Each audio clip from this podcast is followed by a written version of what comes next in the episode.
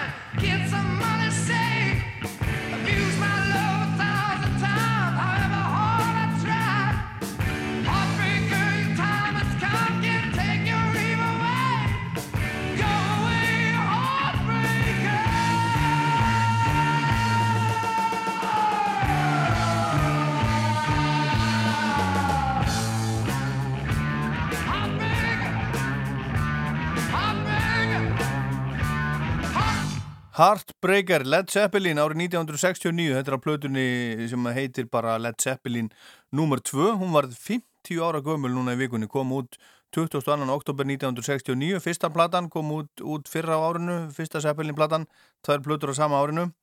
Og þetta er plata þáttarins, við heyrum meira af henni hérna á eftir. En 1969 þá kom út önnur sólarplata Neil Young, fyrsta platan sem hann gerði með hljómsveitinni Crazy Horse sem að stundum með kvöldið þriðja besta bílskúsbandi í heimi og það er svolítið rétt nefni. Núna í dag var að koma út ennin platan með Young, ég man ekki númur hvað hún er, ég glemt að tjekka á því og ennin platan það sem að Crazy Horse er með, ég er búin að hlusta á hana nokkur sinnum, ég er ekki alveg búin að gera það með hvers, hversu góð mér finnst hún. Mér finnst þetta alltaf áhugavert en hún er svolítið þetta er ekki, þetta er langt í frá að vera besta platan sem hann hefur gert með Crazy Horse. Með þetta strax í hug bara plata eins og Record Glory, hún er miklu betri Sleeps with Angels er betri Everybody Knows This Is Nowhere sem komið mitt út 1969 er miklu betri. Psychedelic Pill sem er síðasta platan sem að koma út, tvöfalt album kom út 2012, mér finnst hún betri. En þetta er áhugavert og ég ætla að hlusta hlusta hana betur og, þetta er, hún er svona þetta er ekki, þetta er ekki harðasta Crazy Horse platan langt í frá sem að, sem að Neil hefur gert, ég ætla að spila hérna lag af henni sem heitir Olden Days og hann er svona svolítið, hann er, hann er í umhverfisvendar gýrnum á þessari plötu eins og svo ofta áður og er að benda á það sem að eða svona spyrja spurninga og benda á það sem að betur mætti fara í umhverfismálum til dæmis, hann hefur áhyggjur af jörðinni og er búin að gera það, það lengi og búin að syngja um það lengi og hann hefur áhyggjur af, af stjórnmálunum í, í bandrækjum og ég var einmitt að lesa það að hann er Hann er Kanadamaður, hann er fættur í Toronto, ólst upp í Winnipeg í Kanada en er að sækja núna um bandarískan ríkisborgarétt. Þannig að hann verður 74 ára núna 12. november og einhvern tíma fljóðlega búið því þá verður hann bandarískur ríkisborgari ef allt gengur óskum og hann sagði segir í viðtali að það líti bara vel út. En hérna er hann að líta tilbaka, hann er að syngja um, um fólkiðan sem er margt farið. Olden Days heitir þetta. Have you been, my long lost friend? We haven't talked since way back when. And how is life with your new love? I hope she's something from above. Something happened yesterday. I need to talk to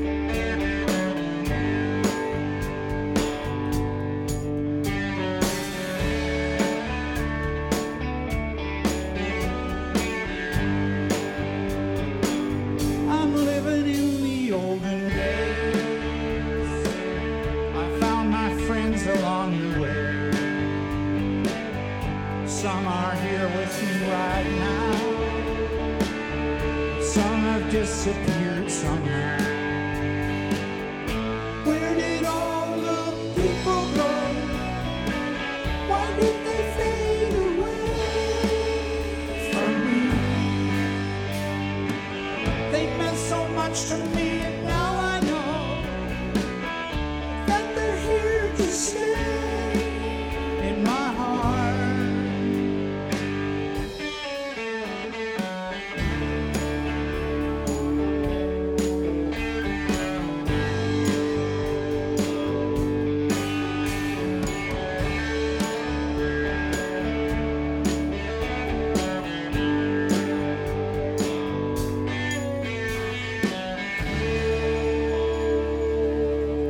Svona ljóma Neil Young 73 ára, bráðum 74 ári yngri en Germundur Valdísson á nýju plötinu sinni sem að heitir Colorado. Hann er fluttur til Colorado, býr þar allavega hluta úr árið með konunu sinni Daryl Hanna, leikonu og, og uh, sagt, fluttur frá Kaliforníu sem hann hefur búið meira og minna í næstu því halva öld og, og, og tók þess að plötu upp á stúdíu sem var einhver staðar hátt upp í fjöllunum í Colorado og hann tók líka upp heimildamind meðan hann var að gera plötuna og, og ég var að heyra af henni, það er hann svona skulum ekki segja kannski gargandi á fólk en hann er svona lætur í sér heyra. Það verður bara að sína þegar þeir eru að taka upp þessa, þessa plötu og hann er að láta upptökum, upptökumennina og svona heyra það uh, talsvert í myndinni, hann er ekkert feimið að sína svona, svona gerist þetta, svona gerast hlutindin í stúdíu þegar hann er að taka upp. Hann vil helst bara taka eina töku. Hann vil að menn læri lögin, segir hann. Ég var að sjá það, vil að menn bara læri lögin og kunni þau og svo sé bara upptaka og ekkert rugl. Helst bara að sé fyrsta taka sem að sé látin standa. En þá er komið að vini þáttarins, hann sendi mér eitt lag í hverju viku og, og uh, texta með og hann er svona hljómsveitin J. Giles Band var stopnud í bandarækjunum árið 1968 og var mjög vinsal þar upp á 1970 en náði á þeim tíma aldrei miklum vinsaldum í Breitlandi eða Evrópu Hljómsveitin var stopnud af, af gítarleikarunum John J. Giles og bara nafn hans en það voru samt söngvarinn Peter Wolf og ekki síður munnhörpuleikari sveitarinnar Richard Salvitz eða Magic Dick eins og hann er ávall nefndur sem voru andlið hljómsveitarinnar út á við og það sem var einkennandi fyrir sveitina var munnhörpuleikur Magic Dick og öflugur söngur og sviðisframkoma Peter Wolf á tónleikum. Þó J. Giles band, þó J. Giles í ágætti skítarleikari var ekki mikið um gítarsóló í lögum sveitarna heldur var munnhörpuleikur Magic Dick áberandi í flestum lögum. Sveitin hætti árið 1985 en kom saman af og til frá þeim tíma en var svo endanlega endurstopnuð árið 2000, 2009 og starfaði til ásins 2015 en þá hætti hún endanlega. Og allan tíman voru nána sömu menn í, í bandinu og í upphafi en Jay Giles sjálfur hann hætti í bandinu 2012 eða var halvpartinn rekin og það endaði allt í leiðindum og málaförlum út á nafni sveitarinnar en bandi hjælt nafninu allt til loka þó svo að Jay Giles sjálfur væri hættur. Og vinnur þáttarins hann hlustaði mikið á þetta band af svona tíma og kynntist þessari hljómsveit í gegnum kanútarpið sem unglingar þess tíma á vesturhóttni landsins að minnstu kosti hlustuð á enda bara gamla gufan í bóði unglingum á þeim tíma. Það kannast eflust margir við þetta lag hérna af plötunni Freeze Frame sem kom út með sveitin árið 1981. Þetta fór í efsta sæti bandarinska listans og þriðja sæti þess breska en við ætlum ekkert að hlusta á það nema bara svona rétt hérna undir. Við hlustum á lag af annari plötu hljómsvöldarinnar sem að heitir The Morning After kom út 1970 og eitt tíu árum undan þessu og lagið heitir Whammer Jammer og þetta er blues rockari og Magic Dick með munnhörpuna er hérna í, í aðalhutverki í þessu í þessu lægi Þetta lag vekur ef til vill upp einhverjar minningar og nostalgíu tilfinningu hjá hlustendur sem eru komnir yfir miðan aldur því að þetta var á svonum tíma uppáslag rock þáttar í kanótarfinu og kona að nafni Mary Turner stýriði og rock unnendur og, og unglingar hlustuðu mikið á eða þeir sem að náðu kanótarfinu þetta er, hefur eflust ekki verið spilað í svolítið tíma. Hérna á Rástöðu til dæmis en það er komið að því. Vammer Jammer, J. Giles Band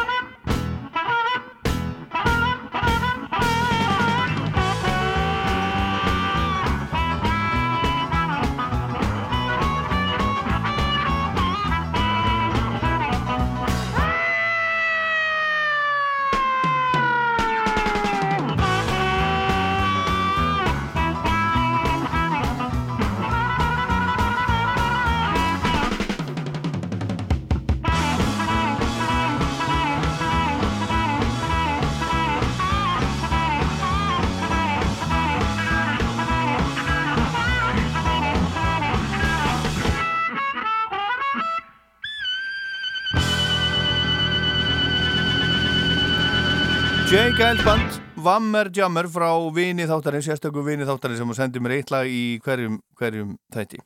Nú er það Óskarlaugin, símin 5687123, klukkan er orðin meir en 8, hún er rúmlega 8, 7, 7 mínútur yfir 8. Opnað hérna fyrir síman eftir smá stund en fyrst nokkra krónur í kassan. Rástfö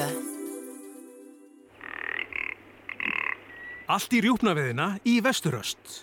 Vesturöst, laugavegi 178, vesturöst.is. Sælkeraborðið í kringlunni er með ótrúlegt úrval af innlendum og erlendum ostum, sælkera áleggi, salati og fleira. Haugkaup kringlunni, meira sælkera, alla daga. Framúrskarandi tækni drifin áfram af öryggi. Seilún, öll dekk, góð dekk. Seilún, fæst á öllum helstu dekkjavegstaðum. Hvernig væri að rokka dagina þessu upp með Atomic? Hann er sterkasti borgarinn í bænum, kryddaði með Spicy Atomic kryddin okkar, með stökkum og steiktum jalapeno, tjettarosti, heimagerðu chipotle majónesi og trilltu trómusólói. Hard Rock Café. Jólaljós, jólaskraut, jólavörur og jólatré finnur þú nú hjá okkur. Vertu velkomin. Báhás, mikið úrval, gæði og lágt verð alltaf. Ronja Ræningjadóttir. Síðustu síningar eru komnar í sölu á leikhúsið.is. Ekki missa barnasíningu ársins. Þjóðleikhúsið. Nýtt frá te og kaffi. Íslatte Brew. 190 milligram af koffíni, engin auka efni og ekkert rugg. Það köllum við náttúrulegt orkuskot. Komið í verslanir. Sófadagar í Ylva 20-30% afsláttur af öllum sófum, hægjendastólum og sveppsófum. Komdu í verslun okkar, skoðaðu úrvalið og fáðu ráðgjöf með valið. Ylva Korputorki Stórsöngleikurinn Mattildur var kosin síning ársins á sögum, verðlunaháttíð barna. Mattildur er sínd á laugardögum og sunnudögum klukkan eitt. Treyðu þér miða. Borgarleikusið. Run and Gun. Já, henni er gott að fylgjast vel með í Dominos-deildinni því hlutinni gerast hratt í deild þeirra bestu. Við stöndum vaktina í allan vetur. Vertu með Dominos. Bílar með reynslu. Komdu í reynsluakstur. Hekla notaði bílar Klettálsi 13. Verið velkomin á Rocksap Íslands. Gestir sem eru 16 ára og yngri greiða engan aðgangseri í fylgd með fullornum. Á Rocksapni Íslands geta gestir upplifa rocksuguna á gagvirkan hátt, spreytt sig á hljóðfærum, skoðað gítarasafn Björgvins Haldurssonar og öll fötin hans Páls Óskars og margt, margt fleira. Rocksap Íslands, Reykjanesbæ. Það er opið allan sólarhingin í Hagkaup skeifunni og Hagkaup Garðabæ. Hagkaup. Meira opið. Alla daga. Dungtur dagar í rúmfattalegandum. 25% afsláttur af öllum vörum. Gildir föstudag, laugardag og sunnudag. Rúmfattalagurinn aðeins ódýrari. Meiri músik, meira þöss.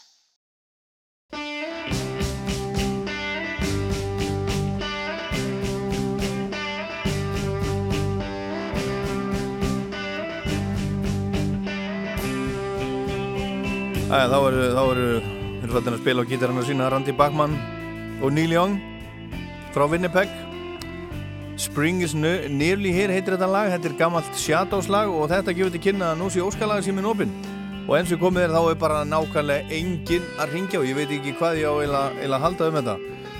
Bið ykkur vinsanlöst um að hafa samband við þáttinn 5687103 og ekki verða nú verra eða myndir nú heyrast í einhverjum, einhverjum konum svona eins og, eins og á og til já það gerist nú stundum en það er miklu meira svo sem um, um, um kalla en ég veit að konunnar eru að, að hlusta líka 5, 6, 8, 7 1, 2, 3 er síminn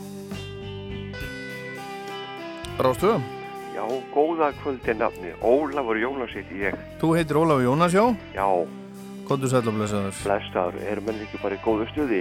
Jú, jú, jú, ég, er, ég vona, vona að það heyrist að ég sé, er, ekki, er ekki í vondu skapi eða, eða illa ert upp laður eða neitt sko, ég er Þú bara, ert alltaf í góðu stuði. Það, það veit maður alveg sko fyrir víst. ég er nú ekki alltaf í góðu stöðu, þú getur nú spurt konuna mín að því og, og vinnufélag og ímsa, það er nú ekki þannig. En ég gerir mitt allra besta alla dag. Já, sjálfsögðu. Ha, Ha, svona snillingur eins og þú. já, ég veit, svona verður nú alveg rólegur. Já, ö- Hvað get ég gert fyrir því í kvöld? mér var nú svona dett í hug, sko, ef, ef allt fer óskum, sko, að hvort ég mætti setja inn ACDC. Herðu, það er nú bara, það er nú bara sko uppáhaldsbandi mitt til þess að spila eins og þetta, ég bara, já, ég, ég myndi helst vilja spila ACDC bara í hverju einasta, á hverju einasta hálftíma. Já, frábær Ha.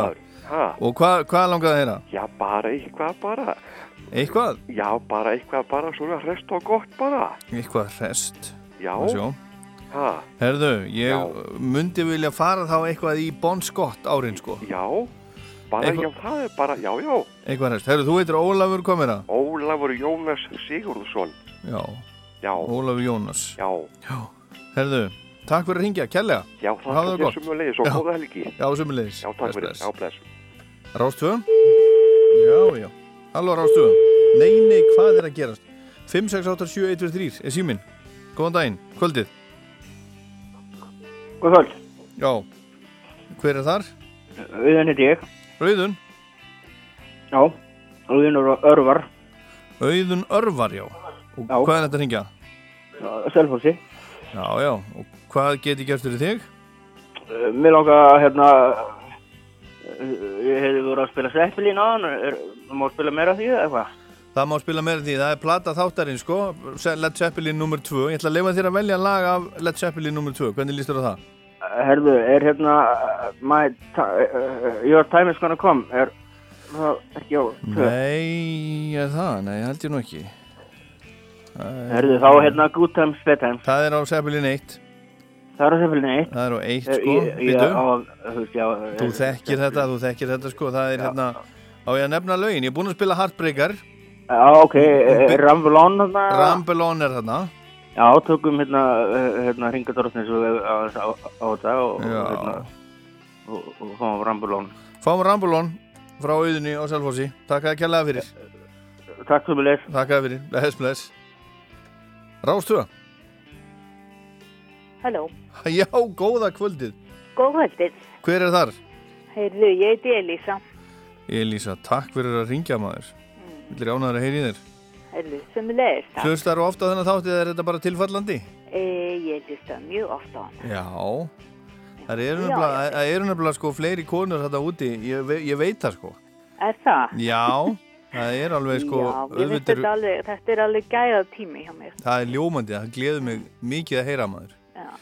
Herðu, en hvað, hvað má bjóða þér upp á séru? Heyrðu, uh, Deep Purple, eitthvað Já, flott með þeim. og ertu með eitthvað, e, e, ættu skilgjörna það eitthvað nánar? Nei, nei. Á ég bara, á, á ég að velja bara? Já, bara velja. Hvað með bara Highway Star? Já, það er bara alveg, Ha. bara til í það. Highway Star fyrir Elísu, og hvað er Já. þetta að ringja? Heyrðu, ég hringi úr Kópavóinum, stór Kópavósæðinu. Já, hann, hann er hérna gestur minn sem hann kemur hérna eftir með uppáhalds rockplötunum sína, hann er einmitt úr Kóbáinum og Vesturbænum. Já, já, hann, Hann, er, Hannes hann, Friðbjarnarsson. er- hann hann er vinnu minn. Hann er vinnuðinn? Ok. Þú verður að knú, þú verður að knúsa hann Ég, þegar knú, hann kemur. ég, ég, ég knús hann. Já. allt í. Heyrðu, Takk að þið fyrir að ringja. Já, Já, bless. Rástvö. Hittum við við. Halló, Rástvö.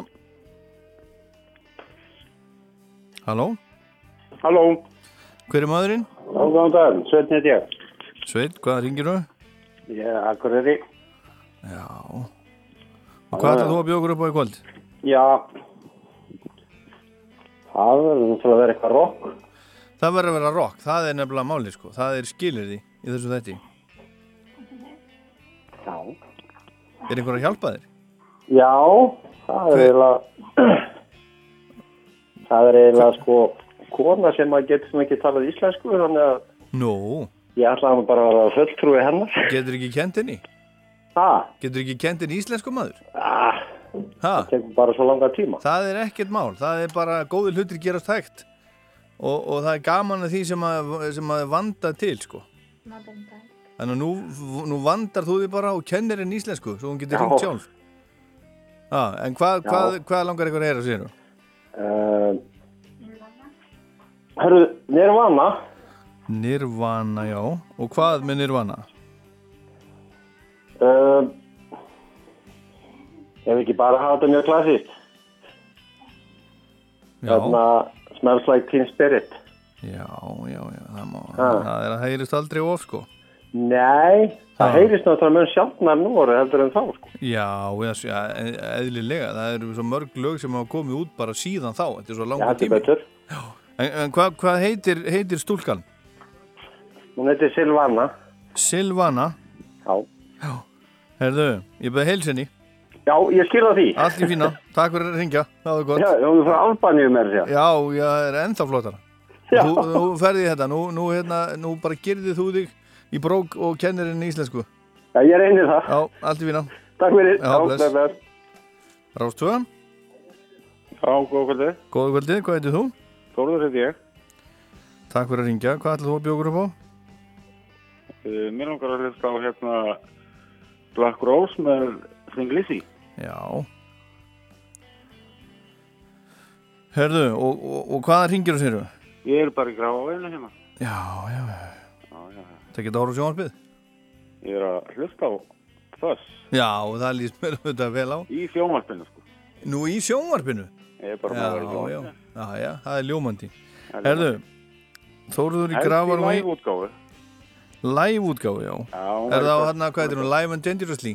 Nei, live eh, 83, live, live og live. Já. Herðu, ég er með þetta hérna á eittir. Glæsilegt. Takk að að kjallaða fyrir að ringja.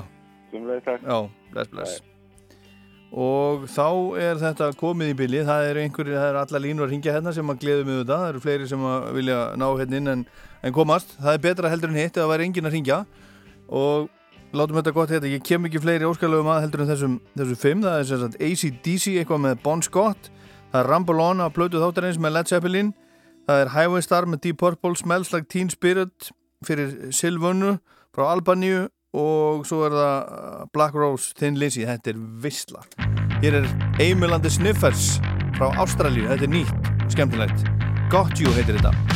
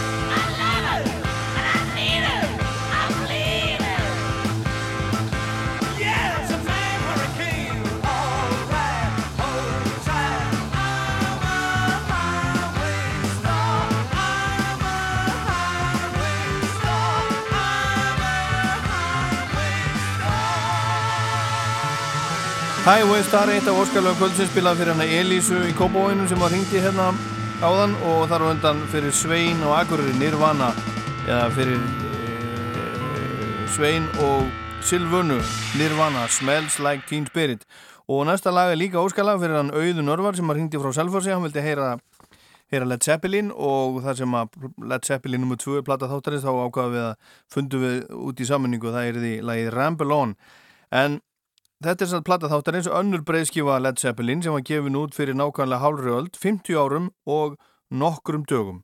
Kom úr 22.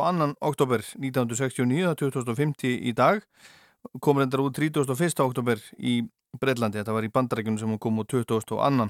oktober.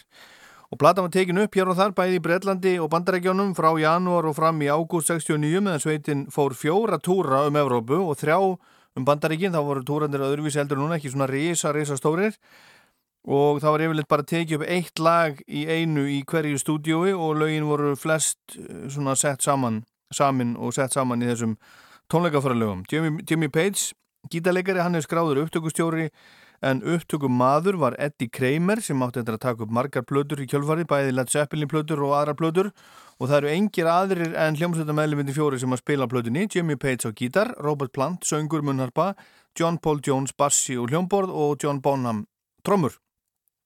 Seks af nýju lögum plötunar eru skrifuð á hljómsveitina samin á hljómsveitinni en hinn þrjú eru endurgerðir Chicago bluesar eftir Willie Dixon og Howlin' Wolf. Lotta Love er í rauninni eitt af þessum lögum The Lemon Song og svo Bring It On Home. Og Led Zeppelin 2 er almennt talin þingsta plata Led Zeppelin, mesta rockplatan og þetta er platan sem að, já hún hefst á Lotta Love sem hefur að, að geima eitt af þekktustu gítarriffum eða frösum rocksögunar. Það var gefið út á smáskifu í bandarækjanum og náði inn á topp 10 þar sem og í mörgum öðrum landum þar sem að lægi kom út á lítilli plödu en það er gaman að geta þess að Led Zeppelin gaf aldrei út litla plödu í Breitlandi, smáskifu. Stefna hljómsveitinnar var svo að fólk myndi kaupa stóru plötunar ef það ætlaði sér á annar borða að hlusta á þessa hljómsveit og platan Led Zeppelin 2 náði toppsæti vinsaldalistana bæði í Breitlandi og bandaríkjónum, svona til dæmis. Svo sem hann hafði umslæðið heitir David Juniper og hann var tilnæmdur til Grammy-veluna fyrir það þegar Grammy-velunum voru afhengt 1970 og platan hefur selst í dag í meira en 12 miljónum eintaka og er í rocksögulegu sammingi einn besta og áhrifamesta plata rocksögunar. Hér er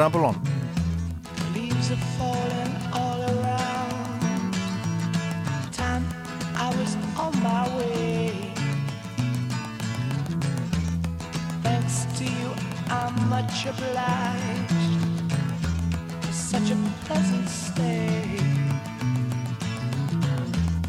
But now it's time for me to go. The autumn moonlight's my way. But now I smell the rain, and with it pain, and it's heading my way.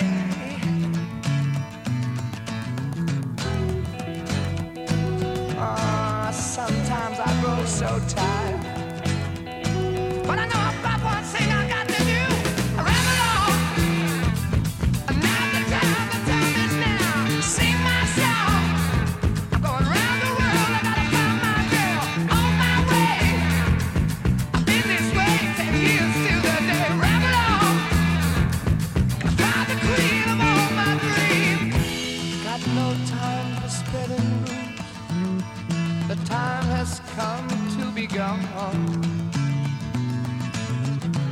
And though our health we drank a thousand times, it's time to ramble on.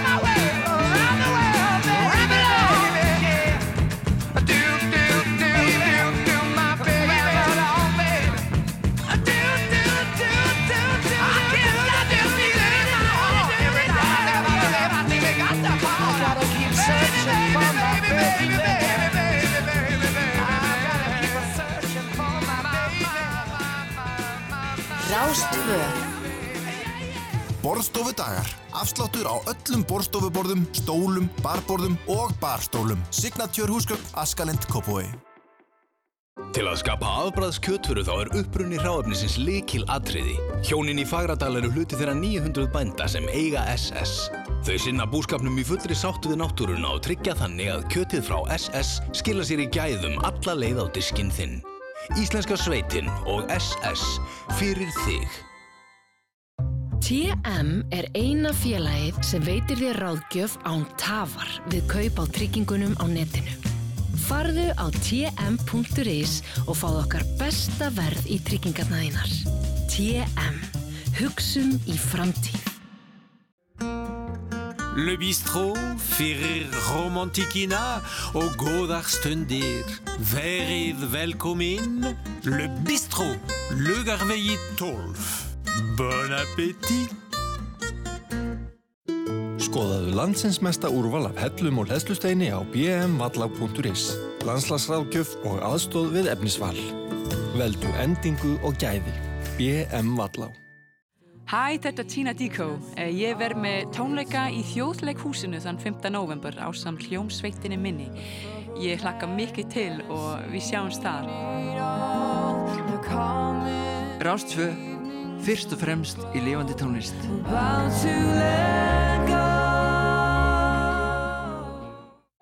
Vissir þú að flestum vörum í Elko fylgir 30 daga skilaréttur? Það þýðir að þú mátt prófa vöruna í 30 daga og ef hún hendar ekki, skila þenni og fengið hana endurgreita að fullu. Kynntu þér málið nánar á elko.is. Stórtónleikar til styrtar bugl þann 14. november. Kondu á skemmtilega styrtatónleika. Miðasala á tix.is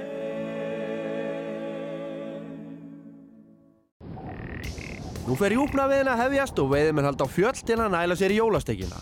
Áður en haldið að stað er gott að huga því sem er mikilvægast og vera vel útbúin til veiða. Arctic Trucks útvegar réttu dekkin fyrir ferralagi þannig að allir komist á leiðarenda.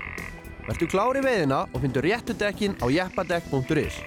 Sparaðu tíma og fyriröfn og gríftu með tilbúnu bónussúpunar. Fimm tegundir af fulleldum og einstaklega bræðgóðum súpum frá bónus sem henda ótrúlega vel í veiðina. Að lokum vill safetravel.is minna alla veiðmenn á að fylgjast með veðri, skilja eftir ferðaállun og vera áallt með neyðarsendi. Safetravel.is eigur öryggi og tryggir áhyggjulösa veiðferð fyrir alla. Sýnum aðgátt í veiðinni og komum heil heim. Alvöru amerísk hrekkjavökugrasker færði í hagkaup. Hagkaup. Meira svona alla daga.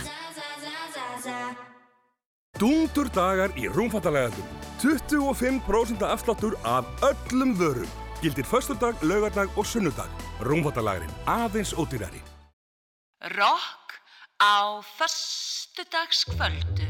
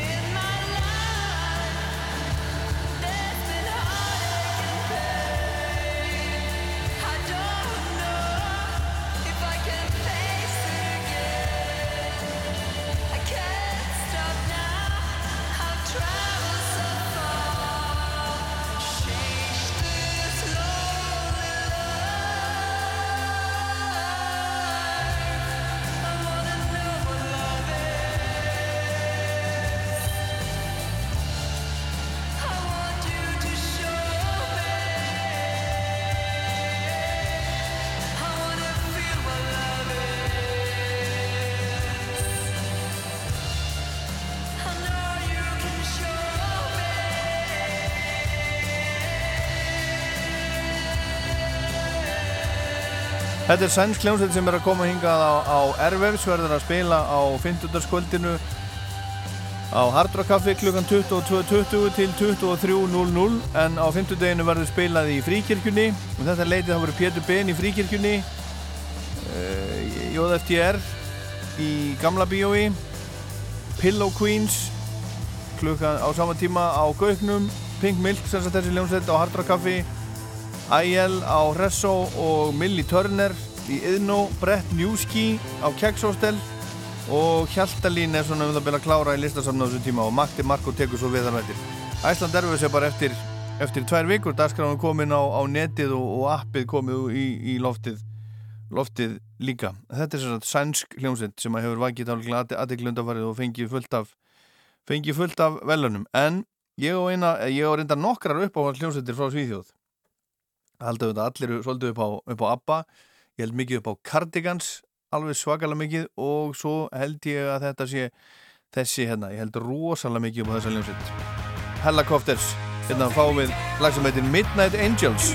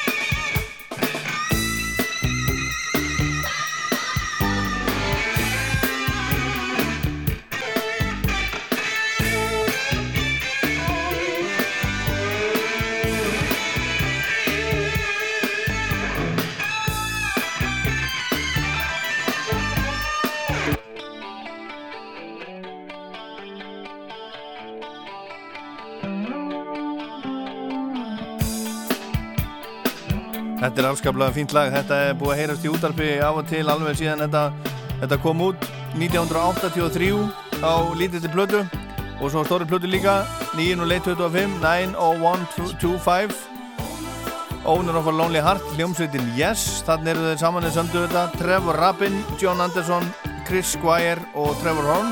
John, Squire, eh, John Anderson sem að hefur ein, einu svoni sungið hérna hjá okkur á Rástöðu í stúdíu, stúdíu 12 hann kom og spilaði með Toddmobil fyrir nokkrum árum og kom þá hérna í heimsókn til okkar en, en þetta er sér að allið á lítilli plötu sem kom út 8. oktober 1983 og ég ætla að spila líka lægi sem er á bjelliðinni Owner of a Lonely Heart er líklega ef við tökum út eitt lag og segjum þetta er vinsalasta lag hljómsveiturinnar Yes þá er þetta lag. Yes var náttúrulega þekkt fyrir allt öðruvísi músikirunni heldur þetta prog rockband, löng lög og svona en þetta er svona Þetta er bara svona lag sem var spilað á, á, á diskotekum og dansklúbum út um allt og, og heyrist jápil ennþá og í svona allavega þegar það er svona reunion og svo leiðis. Þetta er eitt af stærstu lögum nýjunda áratugurins, 1983 og á bjelliðinni er lag sem er á 90125 plötunni sem að heitir Our það heitir Our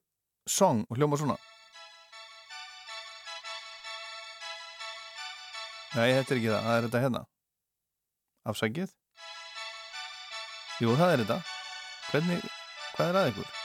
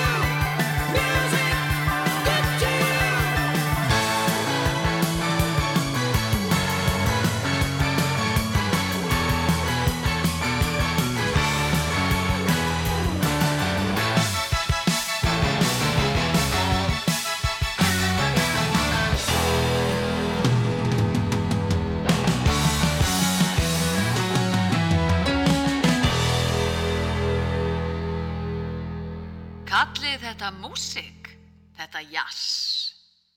Föss.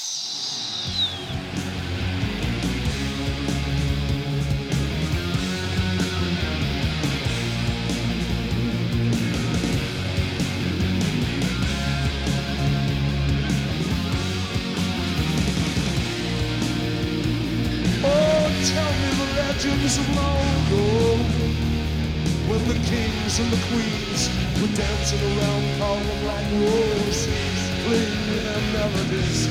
I long to know. So I might teach my children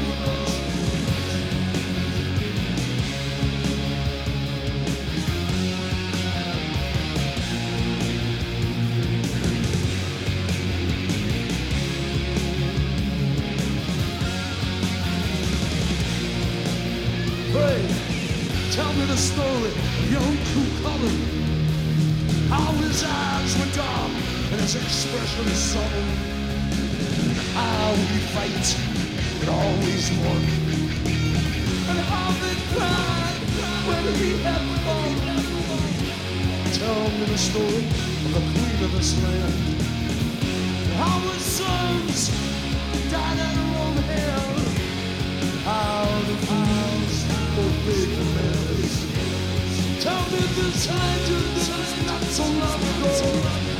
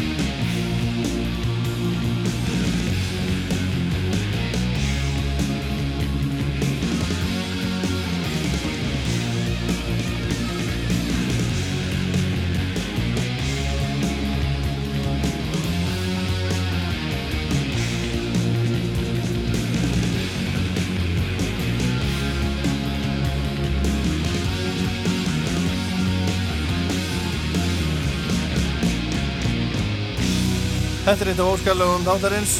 Thin Lizzy, eða Tin Lizzy eins og þeir segja. Í Dublin. Black Rose af tónleikablötu sem að koma út á 1983 spilað fyrir hann Þórð sem ringdi úr grá á einum áðan Nú er það gestuð þáttarins eftir smá stund. Rástfö Le bistrot fyrir romantikina og góðar stundir. Verið velkomin. Le bistrot, Laugarvegi 12. Bon appétit.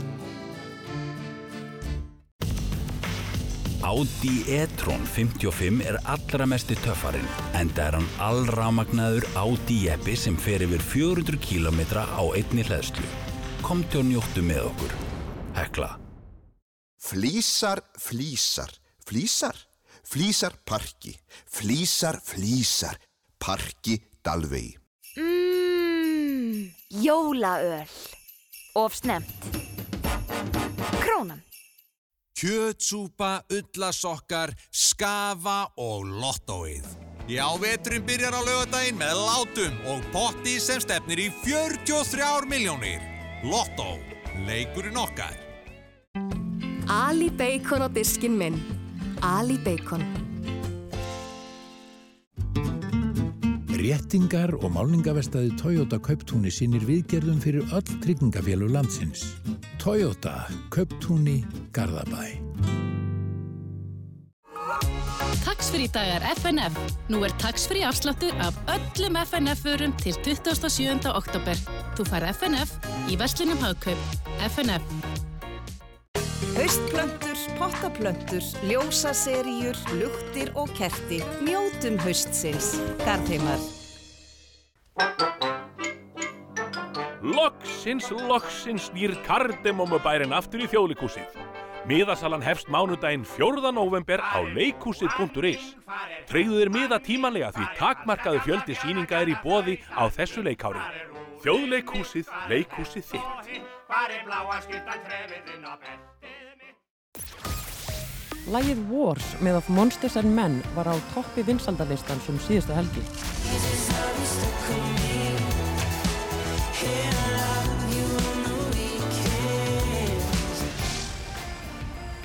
Fylgstu með þegar nýr listi verður kynntur á morgun klukkan fjögur. Við, ég og þú, erum þöss.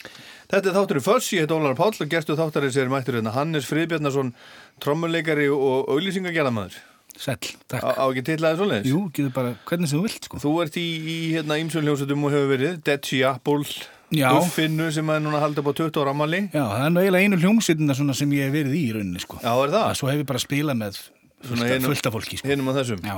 En þið finnst skemmtilegast að vera bara á heimavelli með, með, sko. með, með Buffinu? Já. Já.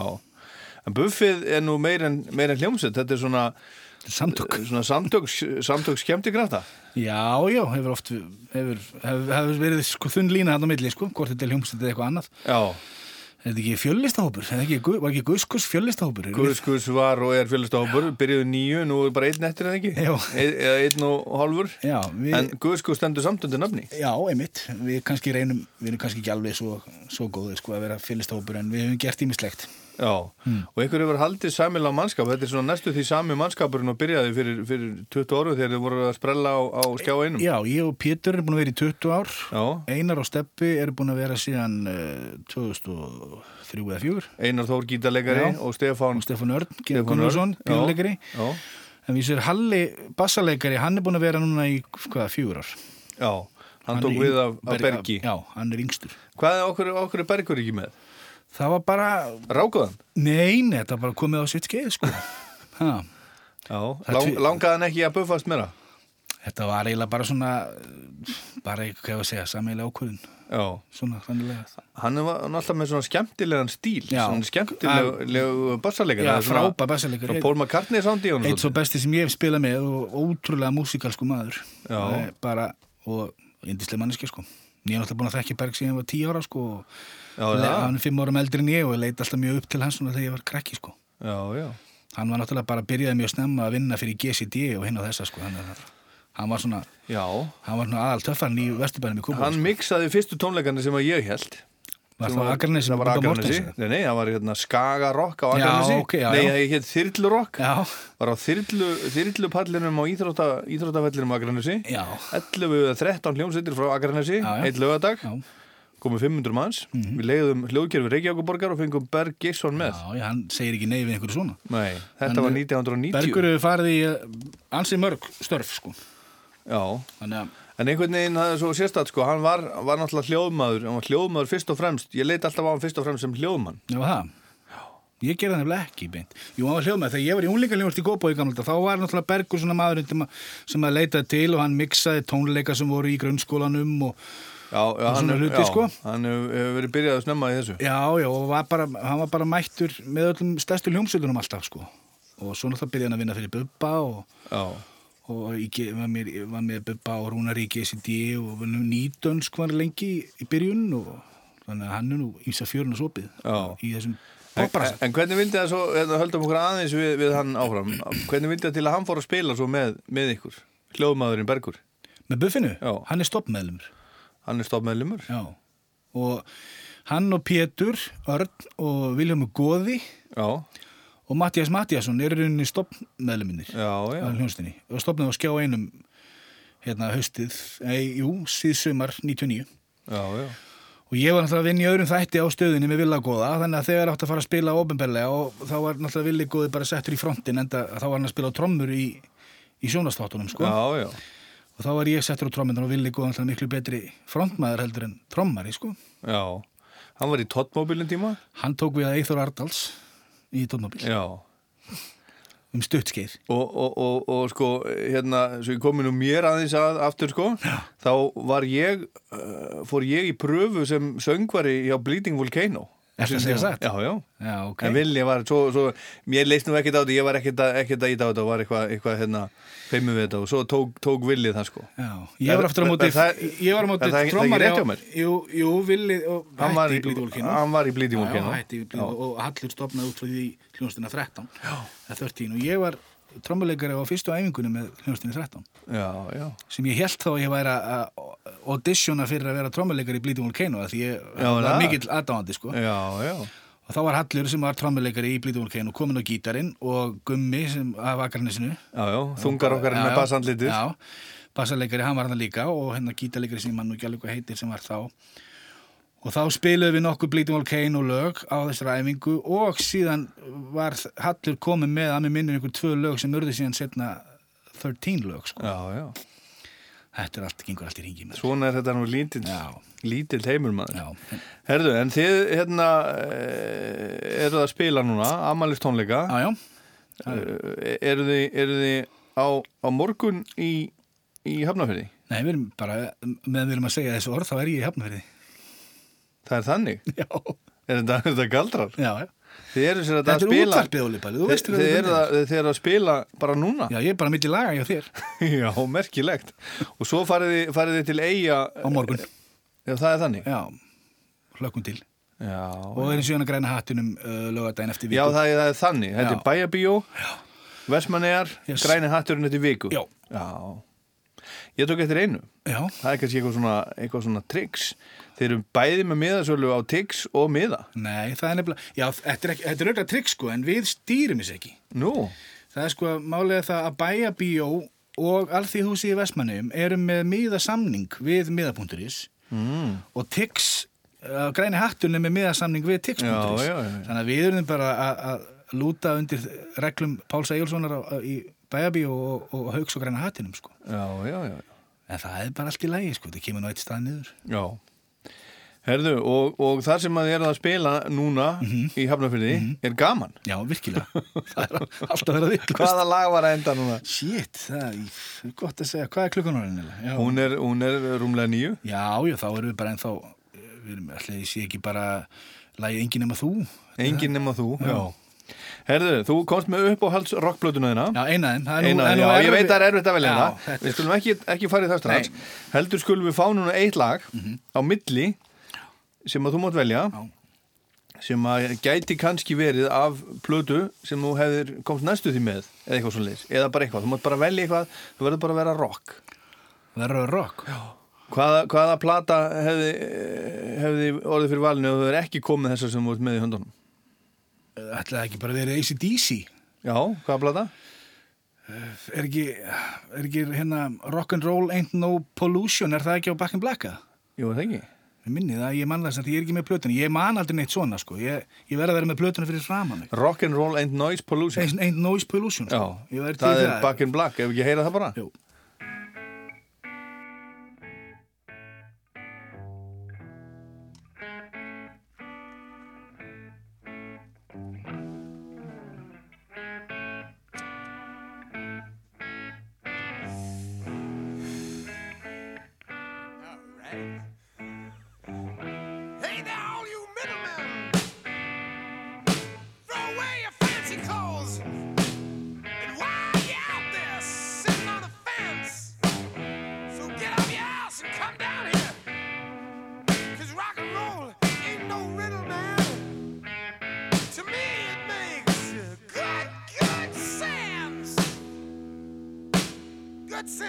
Let's go.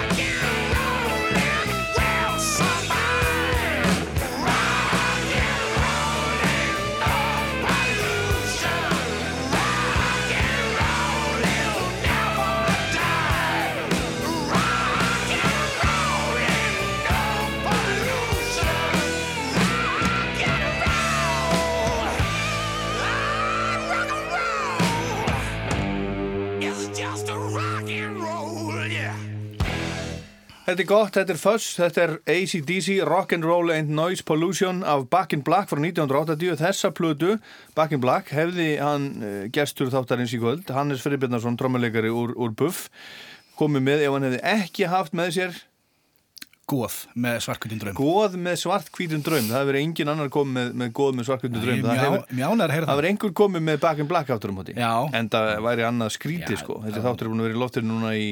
Það er auðvitað hlýtur bara, að vera- vera í fyrstu fimm þáttunum. Þetta, þessi plata er bara einhvern veginn definition of rock'n'roll. Sko. Já, og í beina kalleg frá Chuck Berry. Já, einmitt. Já. Herðin, þú ert með góð með svartkvítun draum, segðu nú frá. Hvar á ég að byrja, sko? Þetta er náttúrulega svarkvöldi draumur sem að, hérna, Gunnar Hjálmarsson, doktor Gunni og, og hérna, Stengri með Birgisson og Birgi Baldursson, rock trio úr Kópavogi, sko. Úr Vesturbæ Kópavogs. Ja, ekki, ég ætla nú ekki að sverfa, sverf, ég ætla ekki að sverta doktor Gunni náttúrulega úr Östurbænum, sko, og, og Stengri með líklega líka. En Birgi Baldursson, trommuleikari, og hann var trommuleikari, hann bjó í sömu gutt og ég. Já. Og var með sýstu mín í bekk. Og hérna, þess, og ég var alltaf, hann var að spila út í bílskur og hérna, er frábært trommuleikari og eitt, bara einn af mínum uppáhalds trommuleikum, ef ekki bara sá uppáhalds á Íslandi, sko.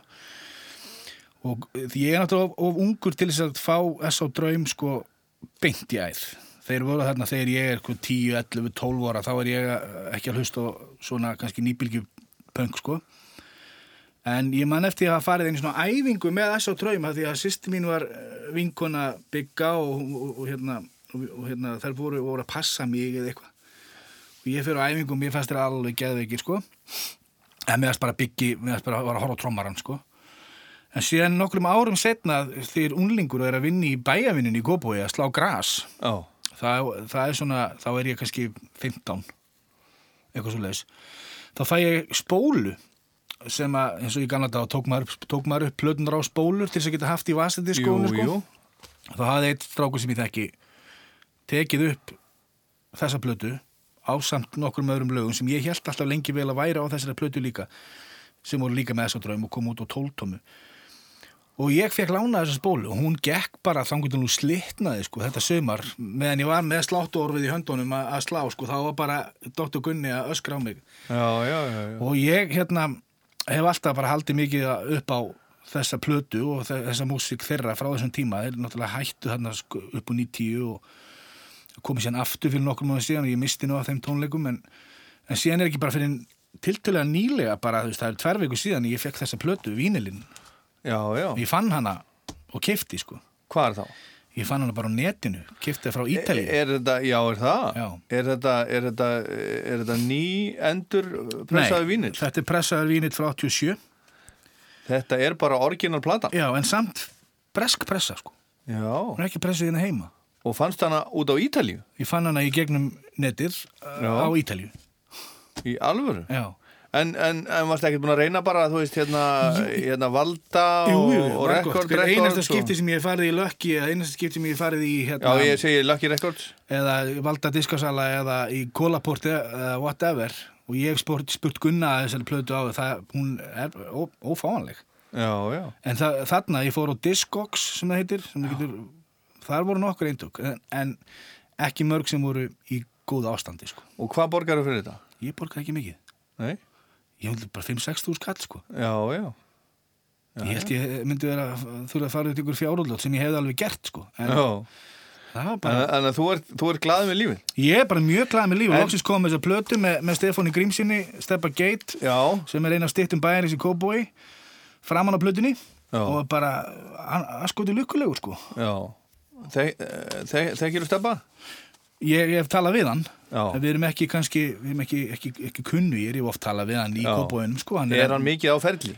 Það er minna, en maður Já. sér hann alltaf reglulega sko. Já, já. Ég veit að hann er oft í kaffi það sem heitir Fannborg sem er svona kaffi samsætti eldriborgara í, í Kópaunum, maður sér hann stundum í Hamarborginni. Þeir eru fleiri hann okkar svona típur sem að mann eftir En hann er ekki orðin eldri borgari? Jú, er það? jú, jú. Er það? Já, ég held þessu komin yfir 70 útkallin Nú er það? Já, já. Nú merkilegt Herðu, en hvað er hérna hvað er, þú ætlar að, ætlar að lega okkur að heyra tvö lögablutinni Já Hvað er þú að heyra fyrst? Uh, við skulum heyra fyrst eh, uh, lægið Engin ævintýri Engin ævintýri? Já Er það, er það geggjað? Það er bara mjög gott, gott, gott stöf sko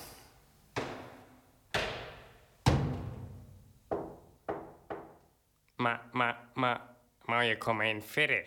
Ó, þetta er í sveimingi! Ég er einn í lúkanum, svo ein manna, svo árum Með sjálfa mig og gin og klámblöðinn, það er stím og Reykjavík.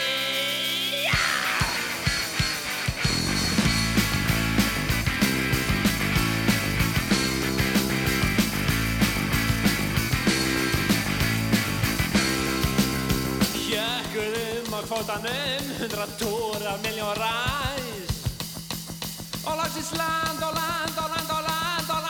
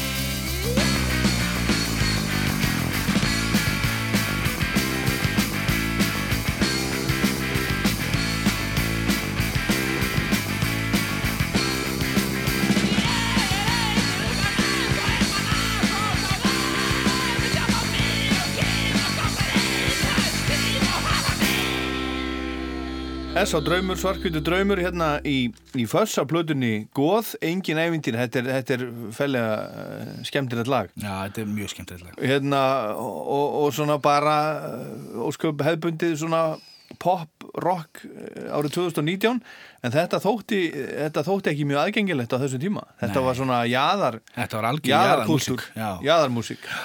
Og á þessum tíma, þetta er svona, svona post-punk, kallar maður það ekki? Jú Og hvað varstu, seg, segir þú gammal, þegar þú varst að hlusta á þetta? Á Ég heyrði þeim fyrst sko bara 12 ára eða eitthvað svo leys en þegar ég var að svona að einhverju viti og þá var ég orðin 15 sko Já, og voru krakkarnir í vinnuskólanum að hlusta á þetta með eða? Nei, það var einn. Einn? Já. Þú vorst ekki, ekki að slá í gegn, gegn í vinnuskólapartíum með, með þessu draum? Nei, ég og vinnu minn Gilvi Frey Grö- Gröndal hann var, hann var hinn maðurinn sem að hlusta á S.O. Draum og við býtuðum stundum á svona einhverjum textabrótum og eitthvað svona dóti í einhverju gríni sko Já.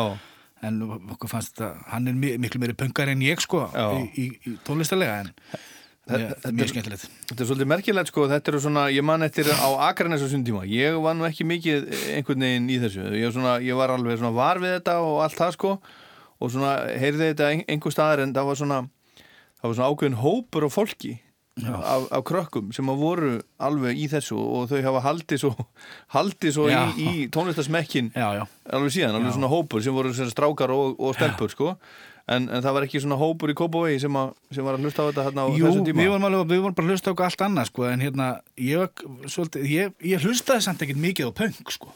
ég hef ekki verið, ég misti bara punkbylginni og svoleiðis, sýsti mér hlustaði á punk og, en hérna punkið hefði ekkert beint til mín músíklega sér, ég, ég fílaði rosalega vel lúkið og svona einhvern fíling í kringum þetta en það kannski meira þetta post-punk einhvern veginn sem kom eða kannski með S.O. Draum og hvað eru fleiri hljónstir hérna hérna Svona ham á þessum sama tíma Ham á sama tíma og- Risaðilan hlustaði alveg slatt á hlustaði, hlustaði á, Jam og ég hlustaði á. Madness mikið og Specials og En það er svolítið, sko. svolítið skemmtileg, það er svolítið svona þetta var svona skemmtilegur hópur hérna í Reykjavík á þessum tíma svona uh, fyrir 1990 svona, um, og fyrir 1990 svona þessi, þessi hópur sem var svona í kringum smekkleysu Já. sem var, þú veist, svarkjöldu draumur og ham já, já. og bútlegs Sigumólanir og allt þetta, þetta Já. var svona ótrúlega sterkur já.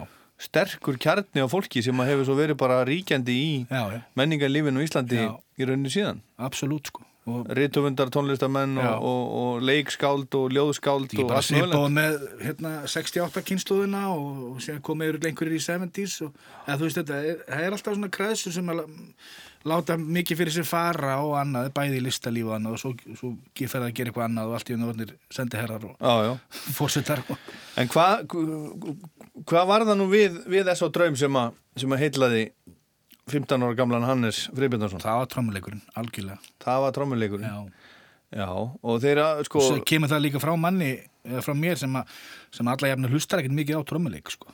Nei. Þannilega sko, Nei. í músík hann er gott í lagi gott eða ekki Já, var einhver sérstakann áhuga á trommuleik? Jú, jú, ég, ég finn alveg fyrir þegar eitthvað er vel spilað en ef mér Já. finnst lagi leiðilegt þá er ég ekkert endilega að hlusta því að það er svo vel spilað á trommur Nei, en það var sérstaklega Biggi Baldus Já, sem er algjörlega. núna fluttur á, á reyðafjörðu þekki, eða Eskifjörð, hann býr á Eskifjörðu Eskifjörði og var upp á Skaga. Já, já, og hann kendi mér á trommur. Hann Og kenndi þér að spila? kennar, Kennari minni í ja, í tæp, bara tæp tvö ár minni mig. Já, já, en alltaf vitað af honum og hann vitað mér verandi einhver pjakkur í götunni sko. Hann Já. er alltaf 12 árum eldri en ég og, og hérna en hann var, þú veist, bara um, ein af svona ástæðinu fyrir það að ég bara var að spila á trommur yfir höfuð sko. Já, og mér fannst og finnst það þá bara hann hafa gríðarlega skemmtilegan stíl og svona gott svona mindset eins og maður kallar gagvart trommuleik sko. Þú veist eins og mér finnst sálin aldrei hafa hljómað betur eins og þegar Biggi Baldursson trommar í sálinni sko.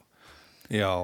Til dæmis. Hann, hérna, hann, hann á svolítið mikið í sódómu til dæmis. Jú, jú. Það er trommuleikunni þar, hann keir hann á hann, svona gúput í gúp. Já, já, bara, þú veist, poplu eins og láttu mig vera, Já. þú veist, það er bara ótrúlega, ótrúlega flott grúf og, og hann líka fór bara stundum aðeins svona óheðbunda leiðir í lögum, hann var ekki að gera eitthvað endilega það sem að þér fannst raugrætt í einhverju breyki eða hvernig það var, svo er hann frábært blues-trommar líka, við spila mikið blues og Já, já.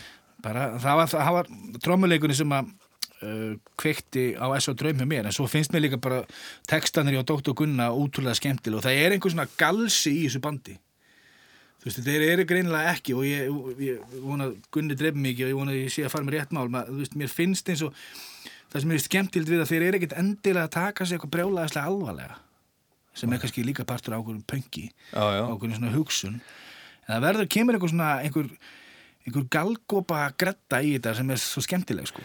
Já, og þetta er náttúrulega, það er náttúrulega bara svona doktor Gunna elementið sko í þessu, bæði þessu og svo í, í sko líka barnaplötunni Abba Bab. Þetta er alveg svona sami, það er alveg þráður, það er alveg, alveg tenging. Og, og í því sem hann hefur svo verið að gera síðar og svo, svo, svo samdan nú lag... Uh, Samdi lag sem Buffy tók. Já, hann samdið ekki fyrir eitthvað það. Nei, það hefði komið út á einni af hans hérna, fjölmörgu spólum að við minnum á diskum sem hann gaf það var alltaf að gefa diska að Gunni og er vonandi enn og hérna og hann hafði samband við okkur og spurði hvort við verðum ekki til í að taka þetta lag hún fannst það einhvern veginn henda einhverju gríni hjá okkur sko Já. sem heiti Prinsessa mín og hérna, hann hafði gefið það út bara mér minnir að hann, það hefði komið út með honum samt sama ár og við gáum Já. sko. og við gerðum bara okkar útgáfa því og sem bara algjörlega óvart einhvern veginn sló svolítið í gegn sko Já, og það smelt passaði ykkur. Það, það, það það smelt passaði alveg inn í, inn í svona, buff húmórin því að þið hafa nú verið með svona svona Já, galsa, já, þetta já, svona það er ákveðin galsa galsi, það er ákveðin galsi, vissulega. En hérna, það bara passaði. Og hérna, við vorum bara, við vorum líka bara upp með okkur að Dr. Gunni þessi, þessi mikli tónlistar spekulant og hérna góð, góðu drengur bara hérna skildi byggja okkur um það sko. Með okkur fannst það eiginlega merkilegra heldur en að Já, hann baði ykkur um að, um Já, að, um að spurði, taka þetta. hann spurði hvort við vildum það. Já. hvort við höfum til í það. Og við bara þar við satt Já, og það var mikið spilað hérna allavega hjá okkur á Rástöða. Já, já, eitt af fáum lögum sem við spilum ennþá stundum að böllum sko Já. af okkar stöðum. en, en hvernig sendur því? Þið eru náttúrulega, þið, þið eru ennþá, ennþá að spila mikið. Já, já. Hljómsveitin buff. Já. En þið spili aldrei lögin ykkar. Nei. Eða lítið. Hvernig Nei. stendur á því? Það voru bara, held ég bara mistök Já. Það er hérna Við hefum bara alltaf verið það upptekni við að að halda fólki á tánum á dansskólinu og við hefum oft bara einhver meðvirkni í okkur að hérna, okkur við þótt kannski bara við séum að trubla Já, ballið. lögin, lögin ykkar ekki alveg nóg, nóg góð. Þau eru alveg, alveg til þess fallin að dansa og svoleiðis en við hefum kannski bara verið svo bara á nálum að einhver skildi fara Já, já, en þetta er nú til dæmis talandu um sáluna sjónsmís, þetta hefur verið þeirra svona er þeim, sko. einkennismerki allar tíð. Þeir voru með svona eitt og eitt coverlag í gamla daga. Já, já. En, en, en komu svo upp með það að spila bara sín eigin lög á Já, já. þessum dansleikjum sínum. Við hefum átt að gera meira þessu bara á sínum tíma. Þetta var hvað, sem- kannski líka bara þetta var hvað vinsalast sko. Já. og var í mestri spilun bæði hér og annar staðar það var bara einhvern, við glemdum þessu bara í hitta leiksin sko. En það er en, en er von. Jú, jú, alltaf von, alltaf heldur í vonuna Já, en, en núna á þe þessu tónleikum sem þeir eru að spila nákvæmlega núna í, í Hafnafyrir bæjabjói og í Vestmanneum á morgun og græna hattinum eftir viku Já. þar eru þau bara að spila lögin ykkar. Já, það er bara alveg, það er eitt coverlag og það er lagið að stótt að gunna Já, já, já, já. Og er, er búið að vera erfitt eða er mikil vinna að rifja þetta upp? Nei, það var við, furðulega lítið með að við höfum aldrei spilað þessi lög live en þau eru líka áttum okkur því að við lögðum, það er buffi skiptið svolítið í tvent, sko, það er annars vegar ballhjónstin og síðan stúdíuljónstin og lögin eru ansið vel svona leirið þegar maður kallar þannig, okkur fengum alveg, vorum alltaf með frjálsar hendur að leika okkur í stúdíu og gera alls konar vitlis og það er svona aðalega það bara hérna koma þessu frá okkur. Já. almennilega, en það er bara ótrúlega hvað við munum og þetta er bara ótrúlega gaman, sko. Já, en þetta hefur alltaf verið svona miklar bakrættir og, og, og svona eitthvað Gríðarlega mikið. Eitthvað svona álegg. Já, reyna bara að gera það sem hinn böndin gátt ekki. Það er að syngja allir, sko. Já, já, já. Heyrðu Hannes, það er setna lægið af, af góðinu Já, það er eiginlega sko svona hittarinn af plötunni sko. Ef, ef hittara skildi kalla það, þetta er nú frábært lag sem heitir Öxnadalsheiði. Já. Og hérna er sko, ef mér fyndið á þessari pressu eru ennsku nöfnin og lögunum fyrir aftan. Já, já. Og þetta lag á ennsku heitir Oxen Valley Moor sem er eins og eitthvað bara í Skotlandi sko. Já. Oxen Valley Moor, þetta finnst mér frábært lag og mér finnst þetta bara mér finnst þetta í rauninni bara eins og eins og poplag, þetta er bara Þetta er bara poplag. Þetta er bara poplag og hérna helviti góð harmonika nei, harmonika, jú, harmonika á ennsku munnharpa í lagi sem er svolítið svona eh, svona rauði þráðin í gegnum þetta lag en mér finnst textin frábær og þetta, ég hækka alltaf þetta lag kemur. Alveg sama í hvaða ástandi og það skapi ég er í. Við skulum hækka núna, Hannes. Takk fyrir komuna í Föss Takk fyrir mig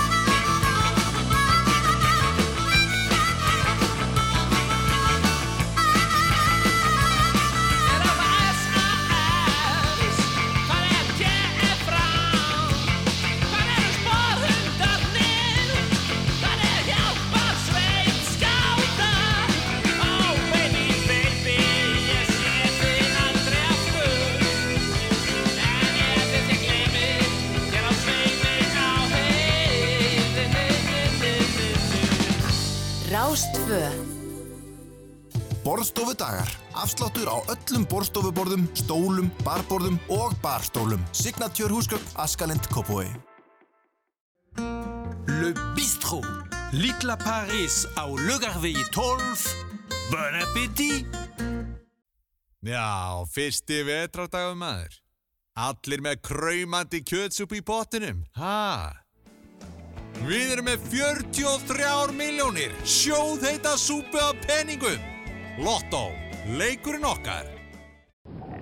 Nú fer júpnaviðin að hefjast og veiðimenn halda á fjöll til að næla sér í jólastekina. Áður en haldið er að stað er gott að huga því sem er mikilvægast og vera vel útbúin til veiða. Það er hvergi meira úrval að haglabissum, félufatnað og fylgilutum til fugglaveiða en í veiðihorninu. Enda er veiðihornið sérverslun veiðimannsins. Gott er að renna við Eirberg og klæða þessu upp í hlýjan fatna frá turtu. Einstök blanda bambus og merino sem heldur þér heitum allan tíman. Skelltu póka af æriskoff í hessilhnötum frá Háberg í töskuna og enginn verður svangur á leiðinni. Orkupóki frá Háberg er frábær veiðfélag. Að lokum vil safetravel.is minna alla veiðmenn á að fylgjast með veðri, skilja eftir ferðaáallum og vera áallt með neyðarsendi. Safetravel.is ekkur öryggi og tryggir áhyggjulösa veiðverð fyrir alla. Sýnum aðgátt í veiðinni og komum heil heim.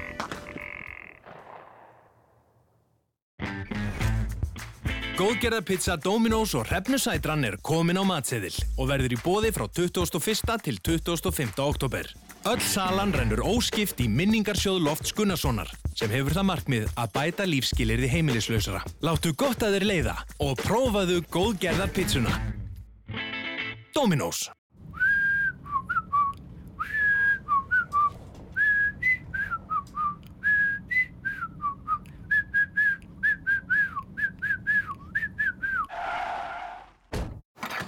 Jafnaðu þig hjá orkunni. Kólernisjafnaðu elsnitiskaupin um allt land. Orkan. Ellington að eilífu. Stórsveit Reykjavíkur flytur hérna litríku og mögnuðu tónlist meistara Duke Ellington í hörpu sunnudaginn 3. november. Kristjana Stefansdóttir syngur, Sigurður Flósason stjórnar og kynir.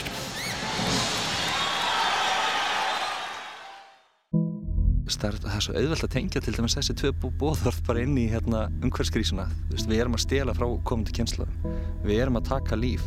Ég var mikill kjöttkall, ég, er með hérna, svín tattuverað á hendin á mér. Slátur svín. Þú veist, ég bjóst aldrei við að taka þessi skref. Ég held að það að við drögum okkur allir hlýja, hættum einhver spönn, förum í einhvern svona sjálfþurftarbúskap, lokum landamæðurum og allt þetta sem er margir stinga upp á og búumst við bara býðum eftir heimsendi, þá mun koma heimsendir. Loftslagsterapían á lögadögum kl. 10.15 á Rás 1. Það er fossball í kvöld.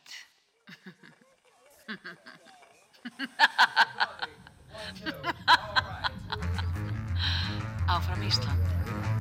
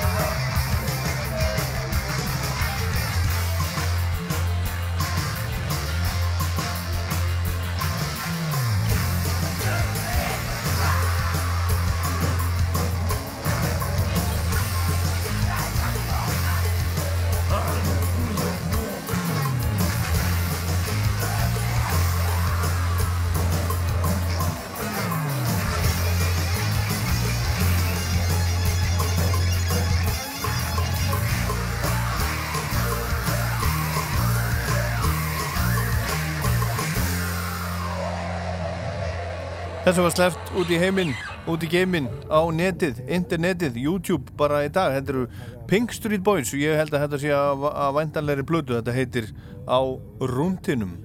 En þá komum við að þriða og síðasta lægin sem við heyrim í kvölda af blödu þáttarinn sem er Led Zeppelin nr. 2 sem að koma út fyrir 50 árum og þremur dögum. Þetta heitir Living Loving Mate.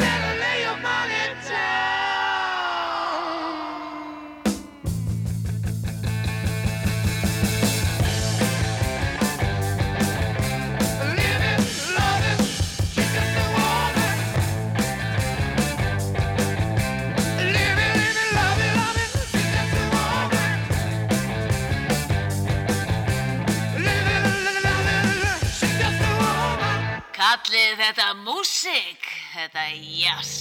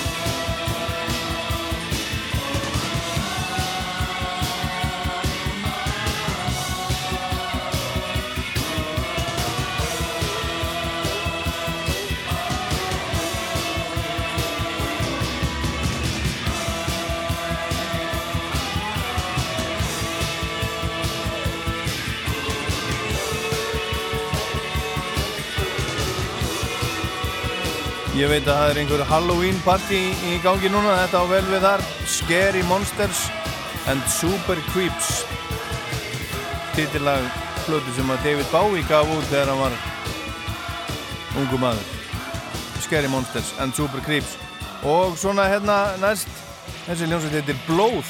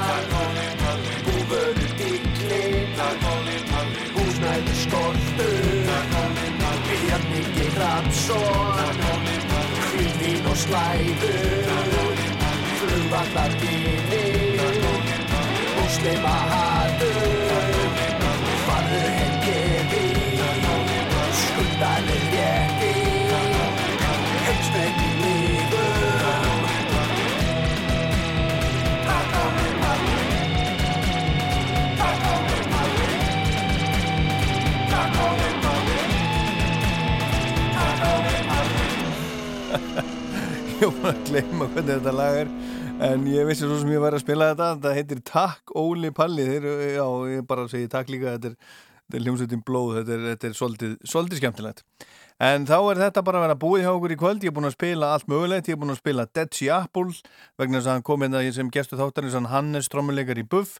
Ég spilaði Steve Miller band, Jet Airliner Blue Stones, nýtt band frá Kanada Rolling Stones, Soul Survivor af, af Extra on Main Street Aerosmith Sweet Emotion, Grísalappa Lísu af nýri plötu sem er að koma út eh, næsta fyrstudag og lagi heitir Í fílu Plata vikunar, plata þáttarinn segja Led Zeppelin nr. 2 ég spilaði Heartbreaker og ég spilaði Rumble On og ég spilaði Living Loving Mate. Ég spilaði Pink Milk I Want to Know What Love Is, gamla foranarlægið þessi hljómsveit er að koma hérna á Æsland Ervefs sænsk hljómsveit eins og Helicopter sem ég spilaði líka og fengum A plus B for með Yes, Owner of a Lonely Heart og, og Our Song Svo er nokkur óskalög, Thin Lizzy, Black Rose og hitt og þetta, Axel.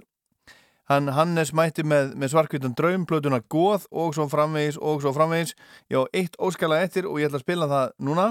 Það heitir If You Want Blood, You Got It. Þetta er ACDC, Highway to Hell 1979 og þetta er spilað fyrir hann Ólaf Jónas Sigursson held að hann heitur Ólaf Jónas fringdi hérna á þann í síma, síma tímanum Ég var ekki hérna til viku, ég hef öðrum nöppum að nefna þá. Hulda Geirsvattar allar að uh, hlaupa í skarðið fyrir mig. Ég heit Ólaður Páll, þetta var Föss. Takk fyrir að hlusta, góða helgi